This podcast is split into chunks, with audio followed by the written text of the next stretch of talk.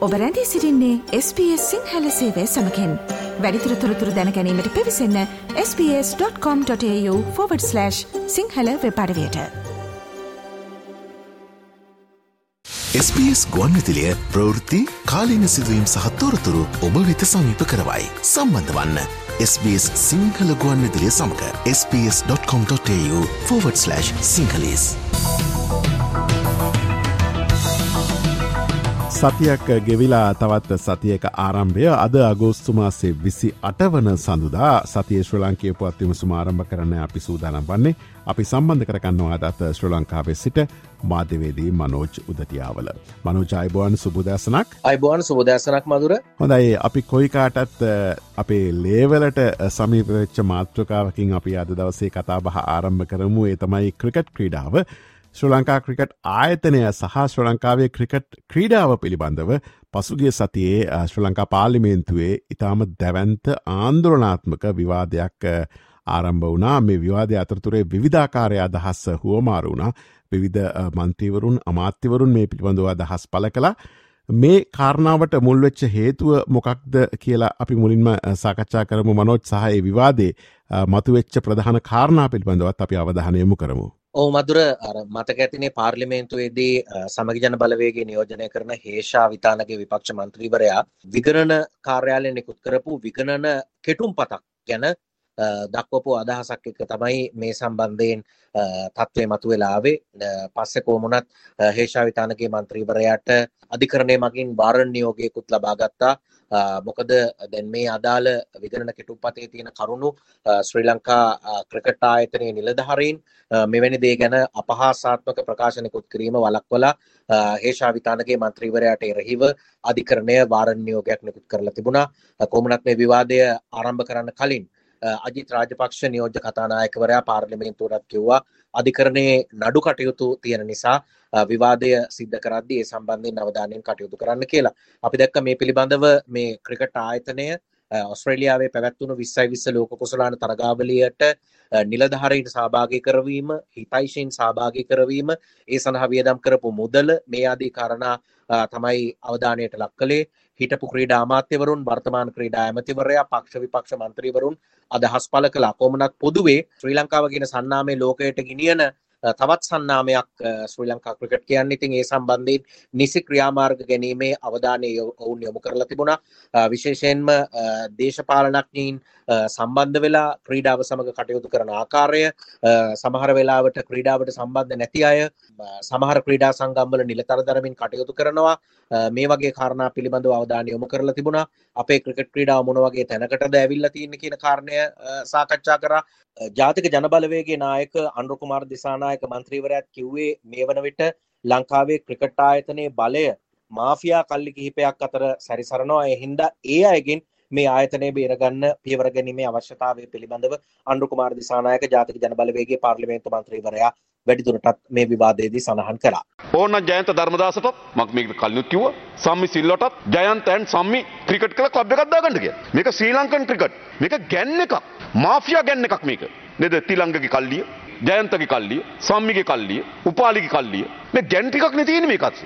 හෙට තමුන්නාසේ නිලවරණයක් තිබ්බත් මේ දූෂිත මාෆියා ගැන්න එකෙන් තමයි මේක බලය ගන්න. එහෙනම් දැන් අනිවාර්ය ලෙස අපි ක්‍රිකට් ආයතනය සඳහා මේ ගැන්සි පත්වන එක වලැක්වීම සඳහා නීති සම්පාදනය කරන්න ඕන. ඒත් එක්කම රොෂාන් රණසිංහ ක්‍රීඩා ඇමතිවරයා ඔහුත් මේ තත්ත්වයන් පිළිබඳව ඔහු කිව්වේ තමන්ව හම්බ වෙන්න මේ විවාදයට කලින් දවසේ ශ්‍රී ලංකා ක්‍රිකට් ආයතනය ආව. ඇවිල්ලා සාකච්ඡා කරා. නමුත් ඒ වෙනකොට ප්‍රමාද වැඩි. ඊට කලිනුත් ඔවුන් ගන්න ඕන ක්‍රියාමාර්ග පිළිබඳව කතා කරා. ඇතැම් මාධ්‍ය ආයතන වලට වාරණ පනවද්දී ඒක එහෙම කරන්න එපා කියලා නිලධාරීන් කැඳවලා කිව්වට ඔවුන් මේ පිළිබඳව ගණන් ගත්තේ නැහැ කනකට ගත්තේ නැහැ කියන අදහස ඉදිරිපත් කරා වගේම ජනාධිපතිවරයාවයි තමන්වයි විරසක කරන්න ඒ ජනාධිපතිවරයා සහ රොෂාන් රණසිංහ ඇමතිවරයා අතර ගැටුම් ඇති කරන්න සමහර ඇමතිවරු කටයුතු කරනවා කියලාත් ඔහු සඳහන් කරා. ඔහු කිව්වේ ක්‍රීඩා ඇමතිකමට සමහරු කෙලහලාගෙන බලාගෙන ඉන්නවා හේතුව ක්‍රීඩා සමාජවල තියෙන සල්ලි නිසා කියලත් ඔහු අදහස් දැක්වීමක් සිද්ධ කරා මේ ඊට එක්වමින් අදහස් දක්වපු රෝෂාන් රටසිංහ ක්‍රීඩා අමාත්‍යවරයාටත් අපි අපේ අවධානය යොමු කරමු. බාධා තියෙන අදටත් වෙලාවකට ජනාධිපතිතුමා මං අතරත් ප්‍රශ්න ඇති කරන්න තරම් ආණ්ඩුව ඇතුළෙම යමහර පිරිස් ඉන්නවා. ඇත්ත කියන්න එපැයි. සමහරු මේ ක්‍රීඩාඇමතිකමට කෙලාහලන්නේ පිස්සු බල්ල කෙලහල්නොට වැඩිය අසීමිතව. මොකද මේ සමහර ක්‍රීඩා සංගම්වල තියෙන සල්ලි. අනික ක්‍රීඩා ඇමතිවරයා විදියට මට ඇගිලි ගහනුවට මම අකමැති. මම වැරදි කරනවා නම් ඕන කෙනෙකුට පෙන්වන්න පුළුවන්. ඒ ස්වාධීනත්වය මම ගරු කරනවා ක්‍රීඩා සංගම් වලට ඒ විදියටම තිබිය යුතුයි කියලා. හැබැයි කරාටි සංගමේ විගණකාධිපතිවරයා දීලා තියෙනවා නම් විගණන වාර්තාව දූෂණ රසක් කළා තියෙනවා විසිරුවා හරින්න නිර්දේශ කරනවා කියලා මම මොකද්ද කරන්නේ? ඒක නිසායි විසිරුවා හරින්න උනේ. සමහර වෙලාට පහුගිය කාලේ අපරාධ පරීක්ෂණ දෙපාර්තමේන්තුවට ගියපුවාම ෆයිල් එක හැංගෙනවා. සල්ලි. ඒක තමයි ඇත්ත කතාව. කොමනත් අවසානයේදී හිටපු ක්‍රීඩා ඇමතිවරු ක්‍රීඩාවට සම්බන්ධය සමහරුන්ගේ දරුවෝ ක්‍රීඩා කරන නිසා විවිධ මට්ටම් වලින් පාර්ලිමේන්තුවේ විවාදය පැවැත්වුණා. විපක්ෂයනුත් බොහෝ විට කියුනේ මෙවැනි තත්ත්වයන් වළක්ව ගන්නයි ඕනේ සම්බන්ධයෙන් තීරණයක් ගන්නවා නම් එකමුතුව සහයෝගයෙන් වැඩ කරන්න මේ වෙලාවේ සූදානම් වගේ අදහසක් විපක්ෂයේ පැත්තෙනුත් කියුණා. ක්‍රිකට් ශ්‍රී ලංකාවට ලෝකේ ආදරය කරන ක්‍රීඩාව ඒ සම්බන්ධයෙන් ඇති වෙලා තිබෙන අක්‍රමිකතා දූෂණ සහ පිළිගත නොහැකි කාරණා පිළිබඳව බොහෝ සෙයින් මේ විවාදයේදී කරුණු දැක්වීම අදහස් දැක්වීම සිද්ධ වුණා මధుරයි.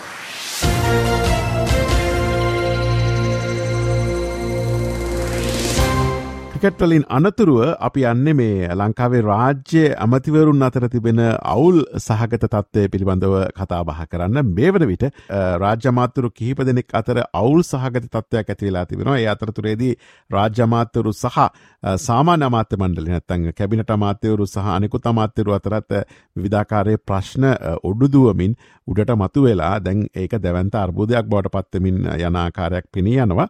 මනෝජ මොකක්ද මේ රාජ්‍ය අමාත්‍යරුන්ගේ අවුල? අපි දැක්ක මදුරෝග කාලෙකින්දලා තිබුණු කාරණයක් කැබිනට අමාත්‍යවරු රාජ්‍යමතිවරුන්ට වැඩ කරන්න දෙන්නෑ කියලා.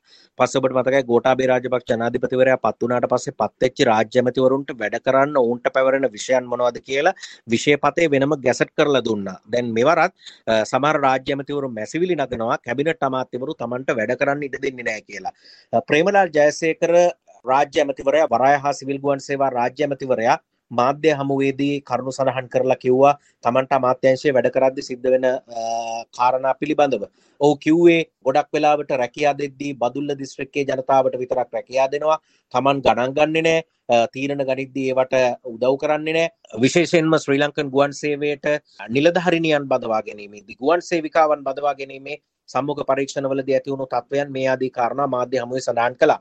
ඔබට මතකයි ඊට කලින් ඩයනගමගේ සංචාරක රාජ්‍ය ඇමතිවරයාත් හරින් ප්‍රනාන්දු කැබිනට් අමාත්‍යවරයාගේ ක්‍රියාමාර්ග විවේචනය කරාසා වැඩ කරන්න ඉඩ දෙන්නේ නැහැ කියලා කිව්වා. ওই තත්ත්වය තුළ තමයි වාර්තා වෙන්නේ මේ සම්බන්ධයෙන් සාකච්ඡාවක්. කැබිනට් නොවන එහෙම නැත්නම් රාජ්‍ය අමාත්‍යවරු අතර සාකච්ඡාවක් පහුගිය දවස්වල තිබිලා තියෙනවා රාජ්‍ය ඇමතිවරු 20 දෙනෙක් පමණ මේ සාකච්ඡාවට ආවා කියලා තමයි වාර්තා වෙන්නේ. ඔවුන්ගේ ප්‍රශ්න වෙලා තියෙන්නේ කැබිනට් අමාත්‍යවරු වැඩ කරන්න දෙන්නේ හැම අමාත්‍යංශකම ප්‍රශ්න තියෙනවා අපිව ගණන් ගන්නේ නැහැ. ඒ හින්දා මේක අගමැතිතුමත් එක්ක කතා කරනවට වඩා ජනාධිපතිතුමත් එක්ක ගිහිල්ලා කතා කරලා විෂය පතේ ගැසට් කරලා දෙන්න කියලා ඉල්ලමු කියලා ඔවුන් සාකච්ඡා වෙලා තියෙනවා. ඉතින් සමහර රාජ්‍ය ඇමතිවරුනුත් මෙහිදී තමන්ටත් ප්‍රශ්න තියෙනවා කියන කාරණය මතු කරලා තියෙනවා. මේක මාධ්‍යයටත් තව අවස්ථා කිහිපයකදී කියවුණා. කොහොමනත් ප්‍රශ්න වෙලා තියෙන්නේ රාජ්‍ය ඇමතිවරුන්ට කැබිනට් අමාත්‍යවරු තමන්ගේ විෂය තමන්ගේ වගකීම් වෙන් කරලා නොදීම නිසා ඔවුන්ට වැඩ කරන්න අමාරුයි ඔවුන් ගණන් ගන්නේ නැහැ කියන කාරණය.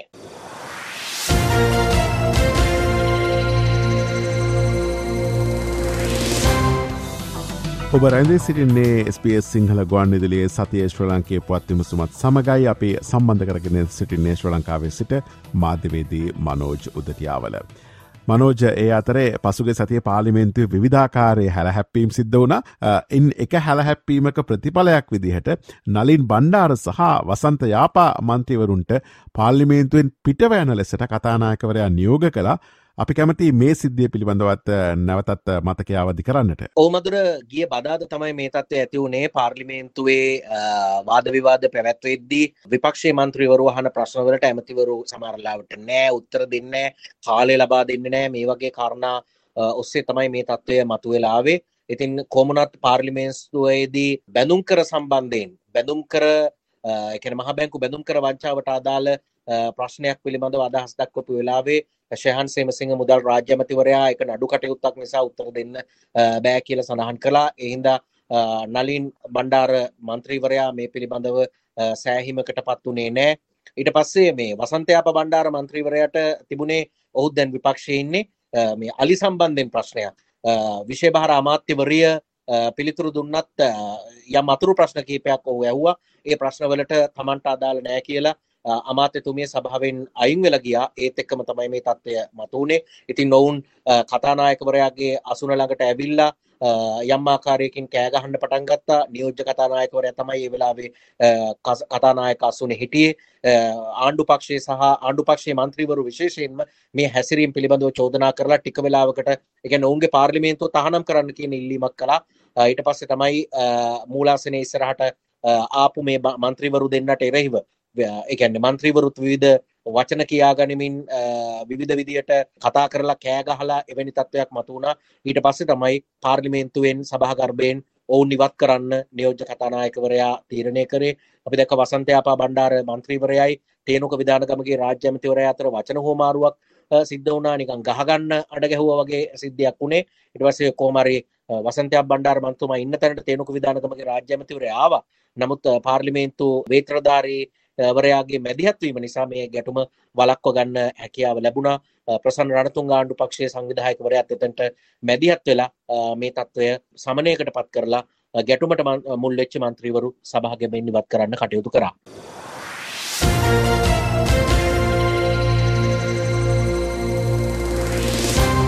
හොඳයි. ඒ අතරතුරේදී තවත් විශේෂයෙන්ම ශ්‍ර ලංකාවේ දේශපාලනය පිළිබඳව අවධානයමු වෙච්ච ප්‍රෘතියක් තමයි ජාතික ජනබලවේගේ සහ ඩලස් අලහ පෙරුම ප්‍රමුඛ නිදහස ජනතා සභාව අතර පසුගේ සතියේ සිද්ධවෙච්ච සාකච්ඡාව.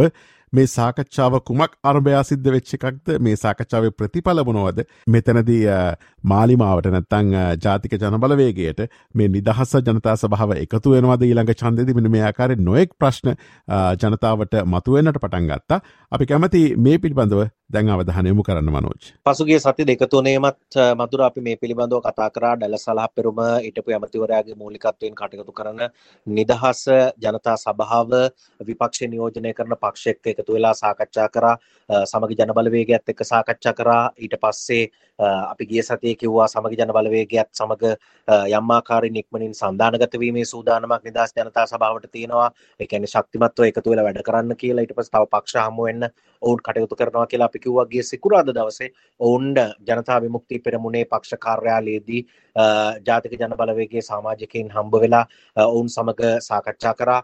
ඉතින් නොවුන් කිව්වෙත් දිගින් දිගටම මැතිවරණ කල්දානවා මීට එරහිව ක්‍රියාමාර්ග ගන්න අවශ්‍යයි කියලා මෙවැනි කාරණා පිළිබඳව සාකච්ඡා කරලා තිබුණා. නිදහස් ජනතා සභාව නියෝජනය කරලා මහාචාර්ය චරිත හේරත් ඩිලාන් පෙරේරා කියන මන්ත්‍රීවරු ඩල සලහපෙරු මන්ත්‍රීතුමත් එක්ක ඒ අවස්ථාවට එකතු වෙලා සාකච්ඡා කරලා තිබුණා අනුරු කුමාර දිසානායක ජාතික ජනබලවේගේ නායකතුමා සහ තවත් පක්ෂ නායකයින් පක්ෂයේ සමාජිකයන් ස්ථානයේදී මේ සාකච්ඡාවට එක් වෙලා තිබුණා. ඉතින් ඔවුන් අවසාන වශයෙන් එකඟතාවකට ආපු බව සඳහන් කළා ජනාධිපතිවරයා මැතිවරණ කල් දාන්න දරන උත්සාහය පරාජයට පත් කරන්න එකතු වෙලා ඒ කියන්නේ ප්‍රජාතන්ත්‍රවාදී බලවේගත් එක්ක කටයුතු කරන්න සූදානම් කියන අදහස අනුර කුමාර දිසානායක ජාතික ජන බලවේගයේ නායකවරයා මේ සාකච්ඡාවෙන් පස්සේ සඳහන් කළා. මැතිවරණ කල් දැමීමේ කුමන්ත්‍රණය පරාජයට පත් කිරීම සඳහා යම් එකඟතාවයකින් යුතුව වැඩ කරන්න පුළුවන්ද කියන සාකච්ඡාව අද නිදහස් සංවිධානය සහ අපි අතර සිද්ධ වුණා.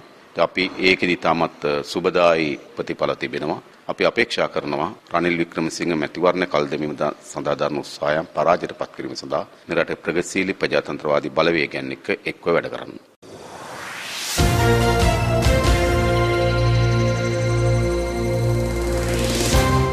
හොඳයි. අපි ඊළඟට බලාපොරොත්තු වෙන්නේ දේශපාලෙන් මිදිලා දේශපාලනය ගෑවිච්ච තවත් කාරණයක් පිළිබඳව කතා බහ කරන්න. ඒ තමයි විශේෂයෙන්ම මේ ඉන්දියන් සාගරයේ බල තුලනේ නැත්තම් බල අරගලය පිළිබඳව හැමදාම කතා බහ කරනවා. විශේෂම ශ්‍ර ලංකාව කේන්ද්‍රස්ථානයක් කරගනිමින්ම.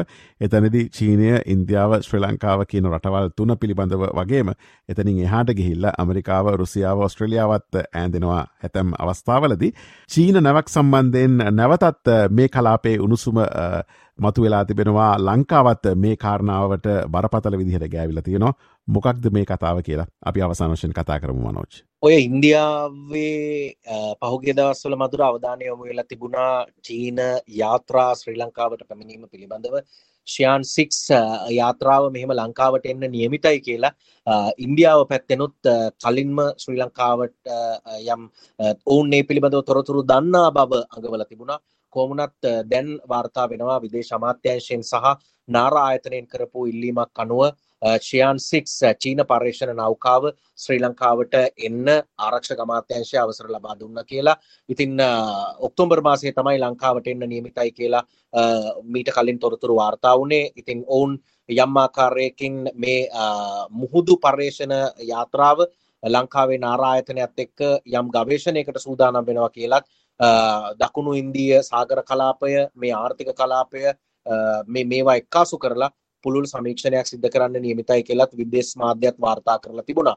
ඉතින් කොහොමුණත් දැන් මේ යාත්‍රාවට එන්න අවසර ලබා දීලා තියෙනවා මේ නිකුත් කිරීමත් එක්ක අවසර ලබා දීමත් එක්ක Uh, ඉන්දියාව පැත්තෙන් මොනවගේ ප්‍රතිචාරයක් දක්වයිද කියලා අපිට ඉදිරියේ බලන්න පුළුවන්. මීට අවසර ඉල්ලන්නත් කලින් ඉන්දියාව කියලා තිබුණා. ඉදිරියේ මෙහෙම නැවක් ශ්‍රී ලංකාවට එනවා. Uh, ඔවුන් අවසර ඉල්ලයි. Uh, ඒ හැබැයි නාරායතනය සමඟ පර්ේෂණ කටයුතුවටත් සාකච්ඡා කරලා තිනවා. වාර්තා වෙනවා කෙලවුන් තොරතුරු දන්නා බවංගෝමින් කලින්ම ප්‍රකාශයක් කරලා තිබුණා. දැන් මේ අවසර ලබාදීමත් එක්ක ඊට පස්සේ ප්‍රතිචාරය මොකක්තු කියලා අපිට බලන්න පුළුවන්කම ලැබේවි කෝමුණත් චීනයේ මේ ශයන් සික්ස් කියන පර්ේෂණ නෞකාවට වරායට එන්න කොළඹසා හම්බත්තට වරායන්ට එන්න නැංගුරම් දාන්න ලංකාවෙන් අවසර ලබාදීල තියෙනවා ආරක්ෂක මාත්‍යංශයේ. හොඳයි ඒ ප්‍රෝතියත් සමගින් අපි අද සතිය ශ්‍ර ලංකේ පත්තිමසුම නිමාවට පත් කරන්න සූදන වන්න අපිත් සමඟ සම්බන්ධනය ශ්‍ර ලංකාවේ සිට මාතිවේදී මනෝජ් උදටියාවල මනෝජ බොහොමත්ම ස්තුතිවන්ත වෙනවා අපි ලබන සතිය සඳුදා නැවතත් හමමු සතියේ ශ්‍ර ලංකේ පුවත්තිමසුමෙන් වගේම හෙට දවසේදී මුණ ගැසමු මෞබිමින් පුවත් විශේෂන්ගේ සුප දවසක් ප්‍රාර්ථන කරනවා. සුප දවසක් බොම ස්තුති මදුර. SBS SBS SBS SBS SBS SBS Radio ලයි කරන්න ෂයා කරන්න අදහස් ප්‍රකාශ කරන්න SBS සිංහල ෆස්බුක් පිටුව ෆලෝ කරන්න.